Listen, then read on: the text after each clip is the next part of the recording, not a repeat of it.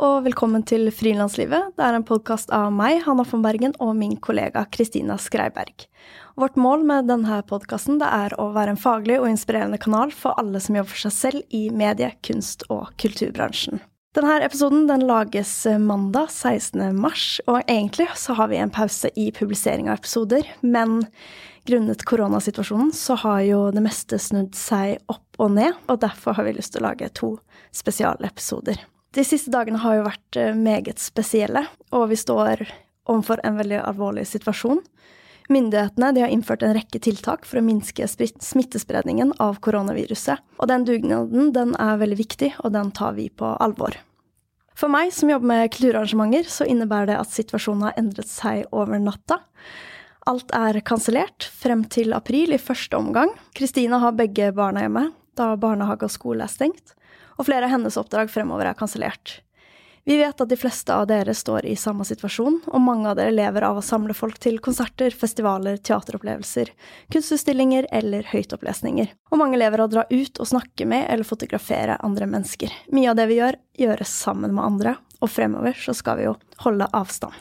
Mange opplever å miste flere måneders inntekt over natta, kanskje mer. Og mange frilansere er i en spesielt sårbar situasjon, og vi har mange spørsmål. Får jeg betalt for kansellerte oppdrag? Hvilke rettigheter har jeg til penger fra Nav?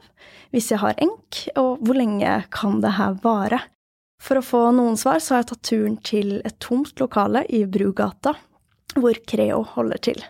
Vårt vanlige podkaststudio har stengt grunnet situasjonen, så derfor har vi tatt med eget utstyr og rigget opp et temporært studio her, mens de andre ansatte i Creo har hjemmekontor. Så jeg sitter her med en god meters avstand med jurist Espen Elløy, og han jobber da i Creo.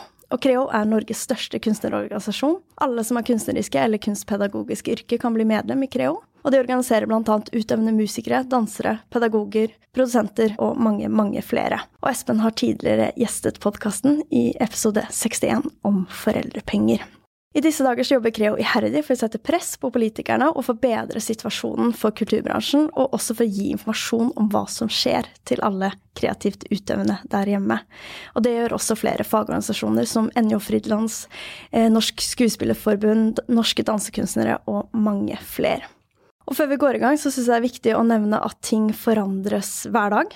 Eh, hver time. Mye kan skje i dagene fremover, og vi anbefaler alle å gå inn på din fagforenings nettside, eh, kreokultur.no, samt helsenorge.no for oppdateringer om situasjonen. Hei, Espen. Hei.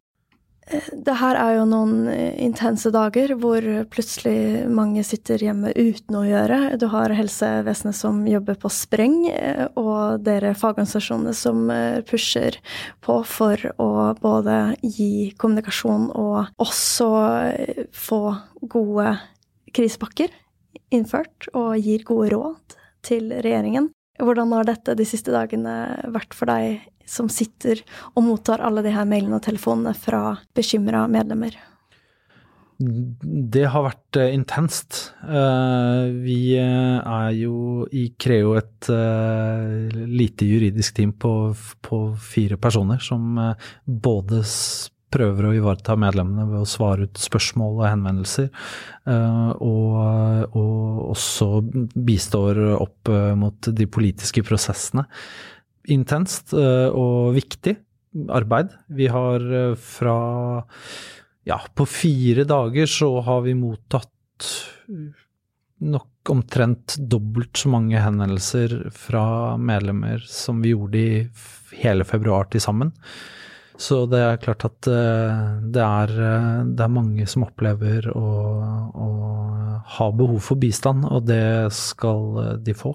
Vi må bare ta én om gangen og uh, skynde oss uh, så, så, så uh, hva skal man si, så, så sakte og som mulig, sånn at folk får kvalitativt gode svar. Mm. Mm. Ja. Og det her også Vi har jo ofte sagt det her i podkasten, hvor viktig det er å være fagorganisert. Ikke bare pga. de godene du mottar med å være medlem, men også i en samfunnsperspektiv, sånn at man har fagorganisasjoner som på en måte representerer eh, mange selvstendige næringsdrivende og frilansere der ute, og kan føre dem stemme videre, som man jo har på en måte fått et veldig tydelig eksempel på hvorfor også er eh, veldig viktig nå. Absolutt. Det er klart at eh, det å stå kollektivt samlet i en eh, sånn eh, situasjon, det er, det er viktig. Vi hadde nok ikke klart å blitt hørt på samme måte med tanke på f.eks. denne krisebakken som vi har drevet hardt på sammen med andre organisasjoner. Men vi hadde nok ikke hatt den stemmen, hadde vi ikke hatt det antall medlemmer eh, som, som vi har. Veldig mange, som du også nevnte, sitter jo nå og har en rekke kanselleringer. Eh, veldig mange i kulturbransjen og frilansere der ute jobber jo med å samle folk, eh, og har slutt, måttet slutte med det eh, totalt. Og regjeringen har jo eh, et slags tidsperspektiv som i første omgang gjelder nå de neste ukene, ut april. Men veldig mange opplever jo også kanselleringer langt fremover i tid.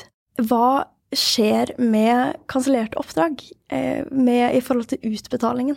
Det er et godt spørsmål, eh, og det er jo et av de spørsmålene som blir stilt oftest nå eh, fra våre medlemmer. Og det er klart det at eh, når vi snakker om de avlysningene av konserter, av eventer som kommer nå og gjelder for den forbudsperioden som regjeringen har bestemt, så vil jo det falle inn under en force majeure-situasjon.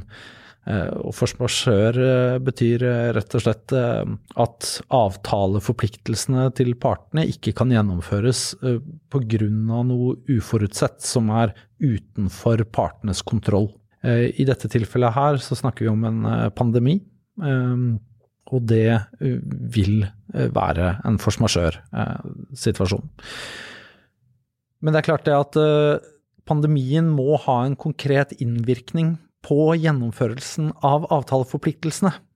Uh, og så lenge det ligger et forbud fra regjeringen på kulturarrangementer, ansamlinger av mennesker, så har den en konkret påvirkning. Og da snakker vi i en force majeure-situasjon. Og da er det sånn at uh, avtaleforpliktelsene mellom partene bortfaller i sin helhet. Og det vil jo si at alle avlysninger av arrangementer som er nå i den forbudsperioden, der har man som artist, eh, musiker, oppdragstaker ikke krav på honorar. Så er det et spørsmål Nå har man et forbud til uh, ut i april. Så er det et spørsmål hva med de avlysningene som kommer nå, men som er for mai, f.eks. Uh, eh, har man krav på honorar for det? Og i utgangspunktet så vil jeg jo si at siden det per dags dato ikke finnes noe forbud, så har man krav på honoraret for det som ble avlyst i mai. Men det svaret vil også være annerledes i morgen, eller i overmorgen, tipper jeg, fordi at det forbudet eh, vil nok sikkert utvides. Eh, altså perioden vil utvides. Og da er man innenfor en force majeure-situasjon. Mm. Eh, mitt råd til eh, alle som er i den situasjonen akkurat nå, er jo å være samarbeidsorienterte, løsningsorienterte mot eh, oppdragsgiver, arrangør. Prøve å finne kreative løsninger. Er det noen måte vi kan gjøre dette på? Utsette i stedet for å, for å avlyse. Betale halvparten av honoraret nå, halvparten ved gjennomføring til høsten. Prøve å være kreative, sånn at, eh, sånn at eh, ikke alt forsvinner eller blir avlyst så, så, får vi rett og slett se hvordan eh, det går. Vi vet jo også at det å forfølge honorarer nå, sånn som situasjonen er, hvor ting forandrer seg fra dag til dag, det kommer til å være veldig, veldig vanskelig. Eh, og særlig siden det er utrolig mange arrangører som også blir veldig påvirket økonomisk av situasjonen. Eh, sånn at ved å forfølge honorarer, så kan man i verste fall risikere at arrangør går konkurs, og at man da ikke har en oppdragsgiver eh, til høsten igjen, når ting forhåpentligvis er mer på normalen. Eh, så det å være løsningsorienterte og samarbeidsorienterte i den situasjonen, tenker jeg er veldig viktig. Mm.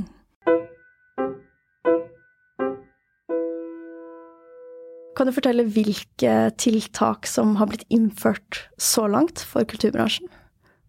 Ja, altså Foreløpig så er det jo, som du sa innledningsvis, ting endrer seg hele tiden. Eh, vi har eh, jobbet siden eh, begynnelsen av forrige uke opp mot politiske partier for å sikre selvstendig næringsdrivende og frilansere i den situasjonen her. Spesielt Det er som du også sa, det er mange avlysninger som kommer. Eh, våre medlemmer eh, gir beskjed om at de har eh, mistet to tredjedeler eller mer av årsinntekten sin på 24 timer. Og det er også sånn at etter folketrygdloven så står selvstendig næringsdrivende og frilansere i en særstilling. først og fremst selvstendig næringsdrivende.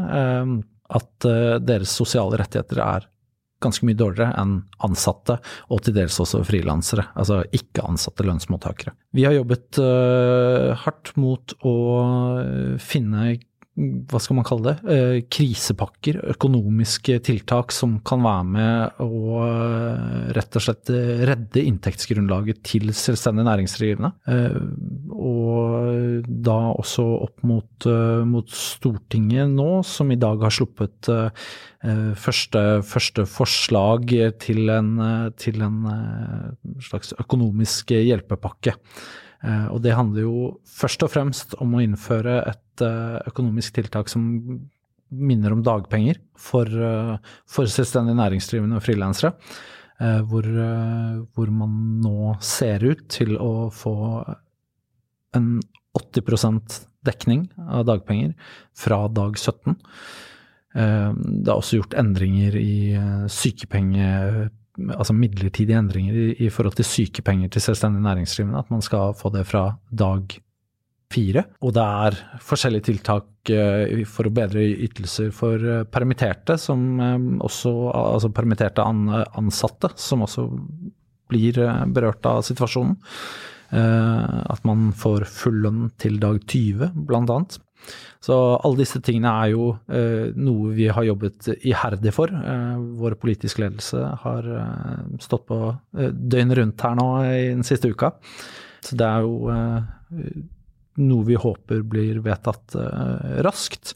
Og vi håper også at Nav har kapasiteten nå til å kunne behandle dette raskt. Mm. Jeg leste i på nyhetene at utbetaling skjer så fort det er en teknisk løsning eh, tilgjengelig. Mm. Eh, det er jo eh, litt eh, vagt, og det forstår man jo. Også fordi det er sikkert vanskelig å, for alle å si eh, når det skal skje. Og det, og det, må jeg si også at det er også en av grunnene til at den dagpengeløsningen for selvstendig næringsdrivende er foreslått 80% fra dag 17. For der finnes det tekniske løsninger i form av sykepenger, sånn at man da kan bare få kjørt det ut så fort som mulig. Mm. Men nå er jo også Nav eh, ganske påvirket av situasjonen med hjemmekontorer osv. Jeg vil anta at de fleste av våre lyttere er selvstendig næringsdrivende og driver et enkeltpersonsforetak. Og vi nevnte jo det litt i stad, at det har jo skjedd mye de siste dagene. Fra å få en sjokknyhet og miste masse jobber til å tro at man ikke får noe, til nå at det er forslag om en krisepakke. Kan du fortelle litt mer om hvor vi er akkurat nå i forhold til den eh, krisepakken? Og det her er jo med et slags mm. forbehold om at ting skjer og oppdateres ja, ja. jevnlig, så det eneste mm. vi kan si uh, nå, er jo at uh, mens vi spiller inn her, som er på uh, klokka tre på mandag den 16. mars, så er det dette som er mm. ståa, da. Ja. Nei, altså hvis vi skal ta enk først, da. Uh, hvordan det ser ut uh, med utgangspunkt i et enk som kanskje har mistet uh, oppdragene sine i, i stor grad. hva har man krav på av rettigheter? før så hadde man jo ikke krav på noen ting, omtrent. Da var det jo ikke, ikke, Altså før denne situasjonen hadde du ikke krav på dagpenger, f.eks. da, da måtte du ha gått og bedt om sosialstønad. De fleste av våre medlemmer i hvert fall vil ikke kvalifisere til sosialstønad før de har solgt unna leilighet og eiendeler og sånne ting, og brukt opp de pengene. Eh, nå er det jo heldigvis sånn at, eh, at eh, som har nevnt litt tidligere, at man foreslår å innføre en dagpengeordning for næringsdrivende og frilansere, sånn at man får en midlertidig inntektssikring tilsvarende 80% da av gjennomsnittet av de tre siste år, års inntekter. Eh, og det er en, den vanlige begrensningen på 6G, da. Ikke sant? 600 000 er taket, cirka. Så er spørsmålet hva er gjennomsnittet av de tre siste årene? Det er et spørsmål vi har stilt uh, tilbake uh, til Stortinget. Og hvis det er sånn som det har vært i folketrygdloven, så er- snakker vi om de tre siste lignende, ferdiglignede årene. Eh, Det jo på, kan jo by på noen utfordringer, i og med at per dags dato så er det jo 2016, 2017 og 2018 som er de siste ferdig lignende årene, eh, mens eh, 2019 blir da ikke regnet med eh, for de som har hatt en inntektsøkning i 2019 eller begynnelsen av 2020. eh, De får da, da ikke det med hvis det er en tre siste årenes inntekt, gjennomsnittet, er ut ifra en vanlig folke, folketrygdrettslig eh, forståelse. Eh, Så der har vi spilt inn at eh, her må man kunne se på, på eh, inntektsendring, eh, sånn som du gjør ved sykepenger eh, vanligvis. eh, Sykepengesøknader og, og foreldrepenger osv. At der det har vært en positiv eh, endring, så må Nav kunne legge det til grunn eh, framfor de gjennomsnittet av de tre siste årene. At det er en eh, skjønnsmessig liksom, mulighet for Nav til å velge det som gir best uttelling. Og så er det jo, som vi snakket om i sted, at denne kompensasjonen den får man ikke før dag 17. Det kan være litt sånn kinkig med tanke på karantene på 14 dager osv. Per nå så er dag 17 rett og slett satt fordi at man har de tekniske løsningene i Nav for å gjennomføre det fort. Um, Ut ifra at uh, selvstendig næringsdrivende får sykepenger 80% fra dag 17. Eh, så selv om vi kaller det for en eh, dagpengeordning for selvstendig næringsdrivende, så blir det jo eh, etter liksom, sykepengemodellen for selvstendig Ja. næringsdrivende. Er situasjonen det samme da hvis man eh, faktisk eh, er i karantene eller eh, er blitt syk?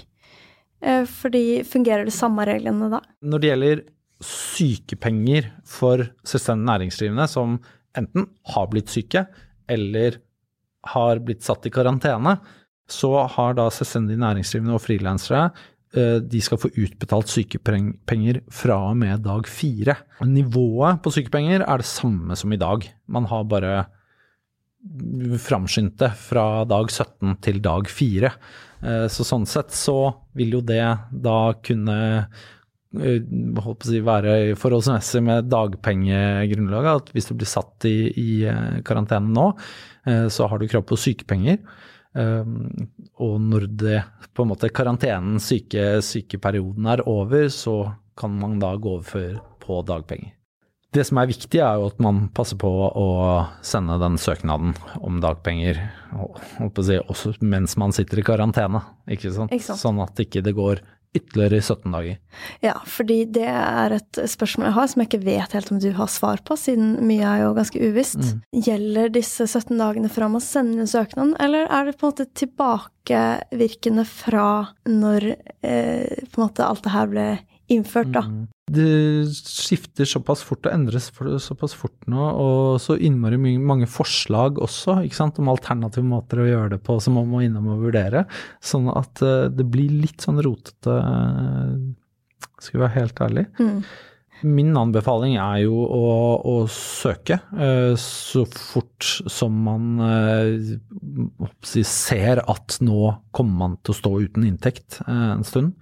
Um, og eh, så er det jo vanligvis sånn at fra innvilgelsestidspunktet av dagpenger, så er det jo en ventetid på tre dager før du begynner å få det. Eh, selv om du har vært arbeidsledig en tid tilbake. Eh, men hva som blir resultatet nå, i og med at de Altså Man kan jo tenke seg, i og med at de legger opp den midlertidige ordningen etter sykepengeutbetalingssystemet, eh, at man legger til grunn dato hvor alt ble avlyst. Eh, sånn som man gjør i en syke, sykepengesituasjon, altså fra dagen legen sykemelder deg, som kan være tilbakevirkende kraft, da, eller tilbake i tid.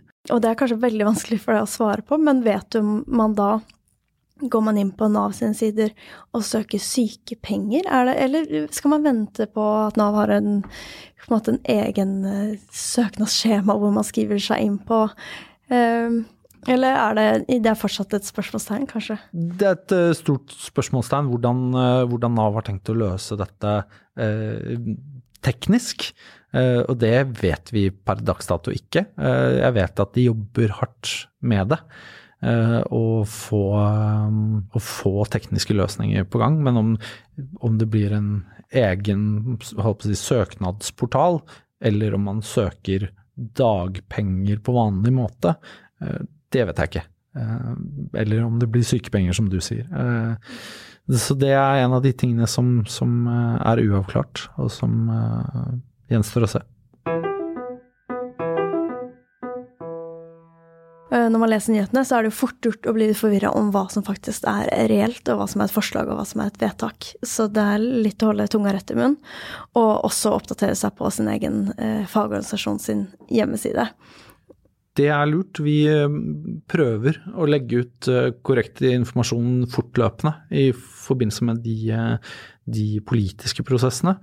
Og så er det jo også verdt å, å, å si noe om at vi også jobber Eh, si, ikke bare mot politikerne, men vi jobber også opp mot uh, andre fond, f.eks. For, for å se hvordan vi kan bruke forskjellige fond som en slags sånn redningspakke i, i, en mellomperiode fra nå til man eventuelt blir innvilget da en økonomisk kompensasjon, altså dagpengeordning, midlertidige dagpenger. Eh, hvor vi ser på bl.a. Fond, for utøvende kunstnere, Kreos Creos eget vederlagsfond, hvor vi ser på om det er mulig å kunne gjøre om de fondene sånn at de kan brukes som økonomiske pakker i en mellomperiode.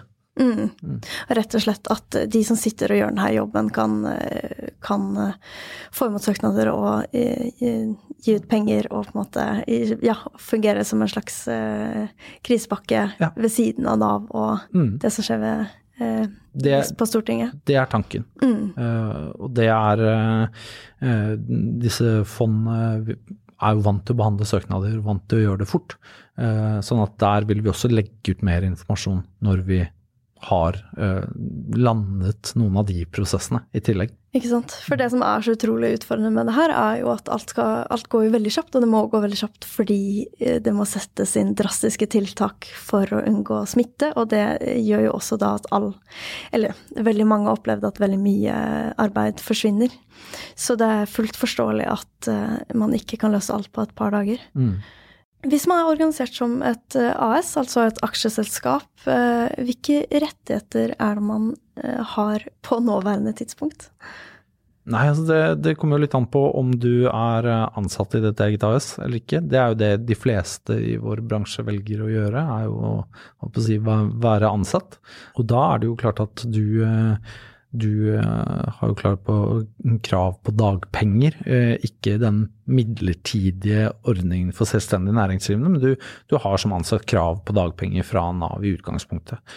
Uh, videre så har du også mulighet til å permittere deg selv, men det er klart at det er vanskelig å permittere deg selv som eneste ansatt i et aksjeselskap, og permittere deg selv mer enn 80 for er det mer enn eh, Permitterer du deg selv mer enn 80% så er det ikke noe særlig drift igjen i AS-et. Så da, da, da, vil jo myndighetene da kunne mm, på en måte vurdere at her er det ikke noe drift, at det, det må avvikles. Og ja, for det sier seg selv at hvis ingen driver firma, så er det ikke noe firma igjen. Nei, det er, det er, da er det ikke noe firma igjen. Mm. Og eh, det her med å lønne seg selv, det betyr at man gir seg selv f.eks. en månedlig lønn hvor man også betaler uh, arbeideravgift uh, Arbeidsgiveravgift, ja. Arbeidsgiveravgift mm. mm. på 14,1 Og da ser man Da er man juridisk en ansatt. Ja. Mm. Og det er jo hele årsaken til at, uh, iallfall fram til nå, at arbeidstakere og til dels fri, frilansere, altså ikke-ansatte lønnsmottakere, har bedre sosiale rettigheter enn det en selvstendig næringsdrivende har, er jo fordi at det blir innbetalt arbeidsgiveravgift eh, for, for, vedkommende, mens det gjør det ikke på, på um, selvstendig næringsdrivende side. Så det går på en måte mer penger gjennom arbeidsgiveravgift og skatt. Så går det mer penger fra en arbeidstaker og en ikke lønnsmottaker inn i liksom folketrygdkassa eh, enn det gjør for en selvstendig næringsdrivende. Du har jo sittet på mail og telefon og prata med veldig mange medlemmer. Hva er din oppfatning av kjennskapen til dette med dagpenger? Visste hadde folk, eller har folk, eh, den oppfatningen, eller vet man hvilke rettigheter man har? Nei, dessverre. Eh, noen har det, og andre har det ikke. Eh, mange har det ikke. Og det er jo en av de tingene som vi i Creo prøver å opplyse om rundt på forskjellige, forskjellige forumer og arenaer. At, at selvstendig næringsdrivende er nødt til å sette seg inn i eh, driften av sitt eget selskap og de rettighetene de har, eh, i større omfang enn man kanskje har gjort, iallfall generelt. Eh, nettopp fordi at man kan komme i en situasjon hvor man må ha dekning. Og jeg tror nok at denne situasjonen her var det veldig mange som fikk en aha-opplevelse over at de faktisk ikke har noe dekning. Eh, man har ikke dagpenger. Eh, dårlig sykepenger, det er jo noe flere har et forhold til, da, ikke sant, altså mm. sykepenger. Men eh, når det kommer til dagpenger, at man har ingenting. Så når inntekten forsvinner over natta, så var nok det en, en god gammeldags kalddusj for veldig mange. Og, og, og en, selvfølgelig en helt forferdelig situasjon å stå i. Så, så, og da er vi jo litt til, tilbake igjen, da, ikke sant, til, til det her med, med enkeltmannsforetak eh, i, i, opp mot et AS. Eh, min oppfordring er alltid til alle å, å undersøke om man bør legge om til et AS og sette seg inn i de reglene rundt opprettelse og drift av et aksjeselskap, sånn at man har bedre sosiale rettigheter når inntekten forsvinner, enten pga. Eh, sykdom eh, eller at man blir utkonkurrert, det kan skje. Eh, eller sånn som nå, at det skjer noe helt uforutsett som ingen har noe kontroll på. Mm. Mm. Og jeg tenker at vi kan Altså, man, man kan være så, så framoverlent som man bare vil, men det er klart at når det oppstår en sånn situasjon som dette, så det er nok ikke noe man kunne liksom tatt med i betraktning at skulle komme til å skje. Uh, I hvert fall ikke jeg ville ha sett for meg at noe sånt kunne oppstå. Nei. Men det viser jo i hvert fall viktigheten av å ha et bevisst forhold til sin egen drift. Uh, og hvordan, altså hvordan, man driver næringen sin, og uh, hvordan man organiserer den, rett og slett. Og så er det jo et godt spørsmål også om det burde eh, da om man, om man, er naiv som har enk, eller burde, burde, regjeringen langsiktig endre på de her reglene? Eh, eller bare kutte ut den selskapsformen i det hele tatt? Eh, fordi den jo ikke er særlig gunstig i forhold til rettigheter. Nei, altså det, det, kommer jo an på deg selv og, og, driften din, da. Ikke sant. I hvilken, hvilken, eh, hvilket omfang du driver. Eh, det er klart at driver du lite, spiller du i brylluper eh, ikke sant, på sommerhalvåret, men du har en ansettelse eller to ansettelser ved siden av, så er det klart at da, da driver du i såpass lite omfang at det å opprette et AS ikke nødvendigvis er det mest aktuelle. Uh, at uh, da er enke en ålreit uh, form. Det som er problemet i dag, mener jeg, er at for mange er ubevisste i forhold til sin egen drift. Og at det er svært mange som driver enk, som egentlig burde ha drevet et AS, men man syns det er litt skummelt. Eh, man tenker at det er for mye å sette seg inn i eh, det å, å, å starte et aksjeselskap. Eh, det er jo lettvint, da, ikke sant, med et enk, men, eh, men eh, man bør ha et mer bevisst forhold til, til egen drift, og gjort, gjort de, de, vurderingene. Litt på samme måte som, som at enhver eh, burde gjøre vurderinger av eh, lånevilkår, f.eks. For eksempel, eh, forsikringsvilkår. Eh, ta en runde, undersøke hva kan andre banker tilby. Så bør man eh, ta en runde på okay, hvilke andre selskapsformer er det. Er det egentlig noe av det som passer til meg nå, i den situasjonen jeg er i? Mm. Ja, og det er jo noe man eh, kan jo, etter sjokket har lagt seg og man, ting normaliserer seg igjen, så er jo virkelig det her en slags uh, oppvekker for uh, sine egne rettigheter og hvordan man skal være organisert.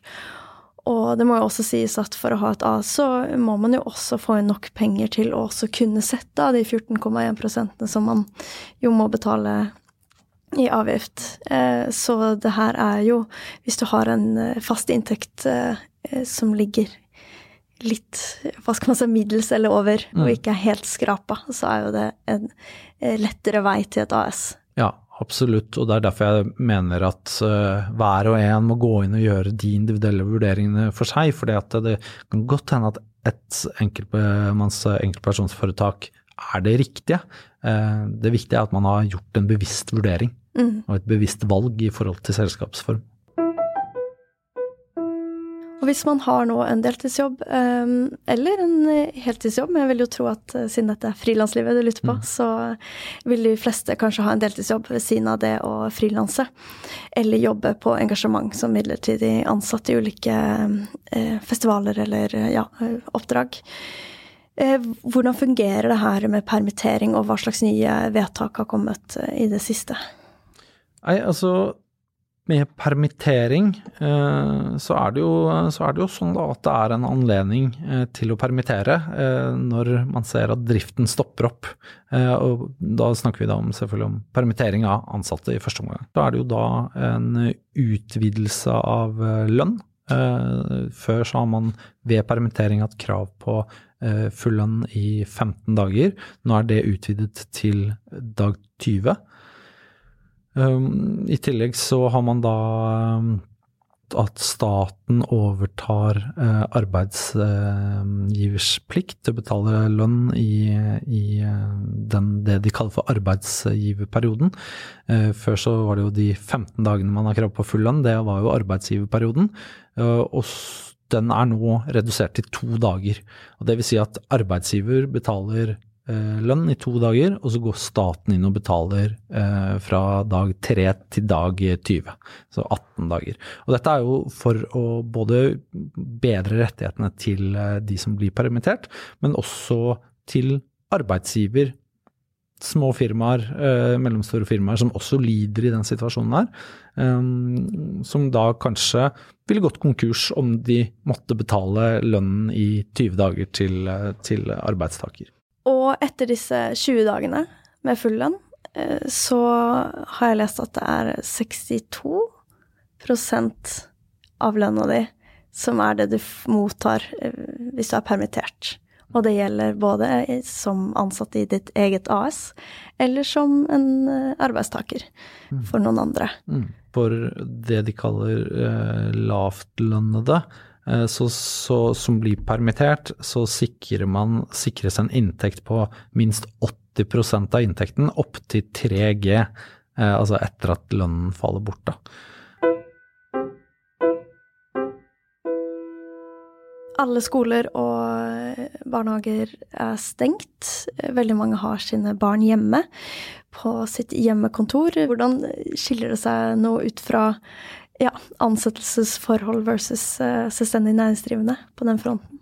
Ja, altså i utgangspunktet med omsorgspenger. Uh, det er jo det tiltaket man har krav på uh, når du må være hjemme med barn.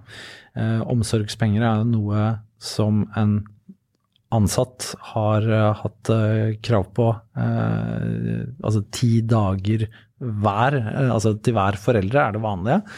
Og selvstendig næringsdrivende har jo ikke nødvendigvis hatt krav på omsorgspenger fra før dag ti.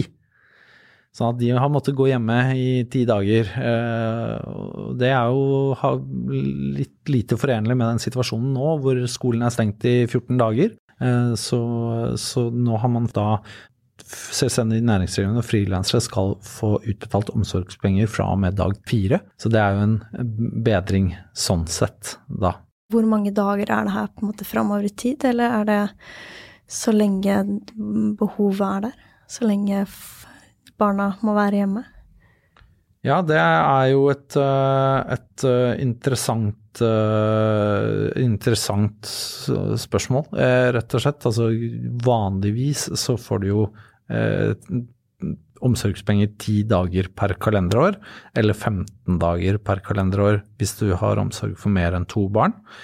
20 eh, dager hvis du er alene om omsorgen, og 30 dager hvis du er alene eh, om omsorgen for mer enn to barn. Sånn at det her forandrer seg jo litt ut ifra den situasjonen du er i. Eh, jeg er ikke fått med meg noen ordninger som tilsier at det skal være noe annerledes enn dette i den situasjonen vi er i nå. Men det er igjen noe jeg må ta forbehold om, altså. Ikke sant. Mm. Det er jo eh, ikke så rart.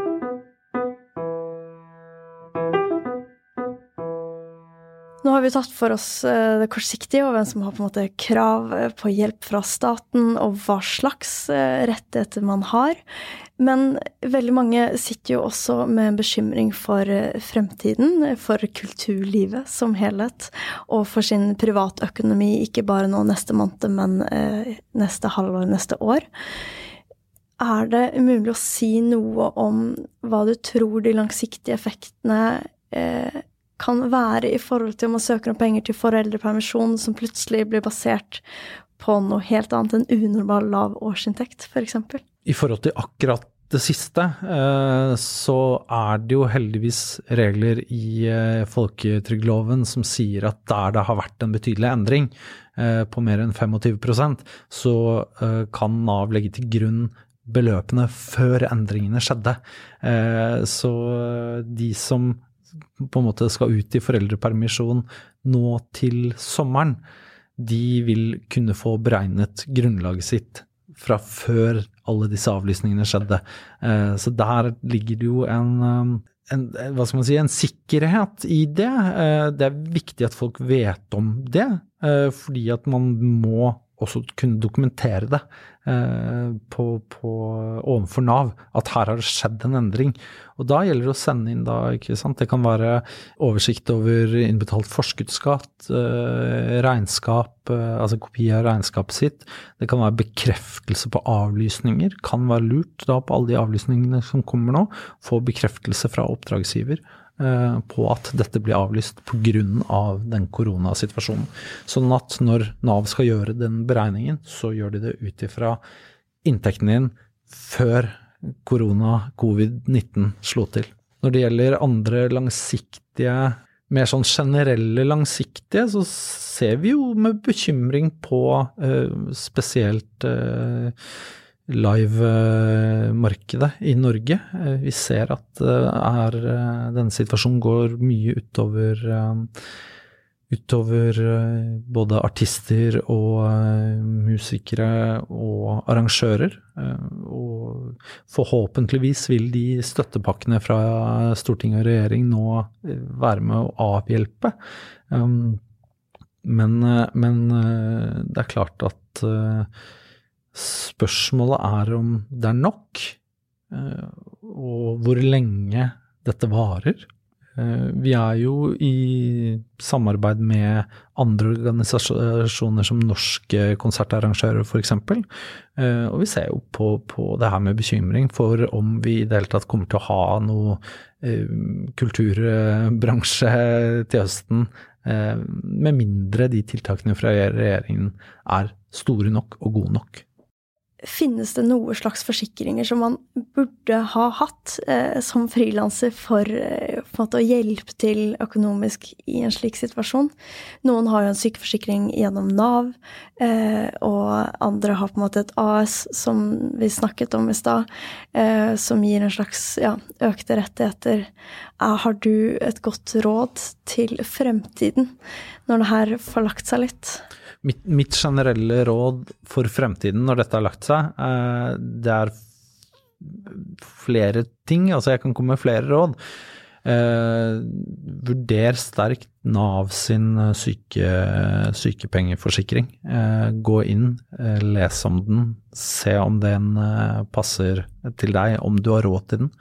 Eh, det kan være et viktig tiltak ikke bare i sånne situasjoner, men hvis du faktisk blir syk, eh, og gjerne langvarig syk, så kan det være fornuftig. Sjekk med forsikringsselskapet ditt. Altså, min erfaring er dessverre at den type um, private forsikringer er veldig dyre. Uh, også ofte dyrere enn Nav sine sykepengeforsikringer, som mange selvstendig næringsdrivende og frilansere ikke tar seg råd til. Vurder eh, behovet, vurder eh, økonomien eh, i forhold til å, å ta det. Ha, ha, et bevisst forhold, som vi snakket om i sted, til driften din og, og selskapsformen din. Ha skriftlige avtaler på alt du gjør. Det er et mantra som jeg kommer tilbake til hele tiden. Vurder også force majeure-klausuler i, eh, i, kontrakten din, eh, som kan om ikke annet skape en større forutsigbarhet i eh, avtale, et avtaleforhold når det oppstår ting. Og det kan jo oppstå ting hele tiden på den kanten. Det er jo ikke lenge siden folk satt askefaste, ikke sant. Så forhåpentligvis så, så er det, er det, langt mellom hver pandemi, men, eh, men, ting kan skje. Ha skriftlige avtaler eh, som gjør at man vet hva man skal forholde seg til når det oppstår ting. Eh, om det er en force majeure-situasjon, eller om det er en avlysning pga. Av andre ting. Så, så, er det så er det det å anbefale hele tiden. Av, skriftlige avtaler. Eh, meld deg inn i et eh, fagforbund, en organisasjon som kan hjelpe deg eh, når sånne situasjoner som dette og andre situasjoner oppstår. I Creo så har du jo krav på gratis juridisk rådgivning, gjennomgang av avtaler osv. Følg med på, på nettsider til organisasjoner og regjering, og følg med på de pakkene som kommer, og de, de, eh, hvordan det praktisk skal gjennomføres. Eh, det er det mange som har spørsmål om, og vi har ikke så mange svar på det akkurat her og nå. Tusen takk, Espen, for at eh, du tok deg tid til å bli med. Mm, bare hyggelig. Mm. Ha det.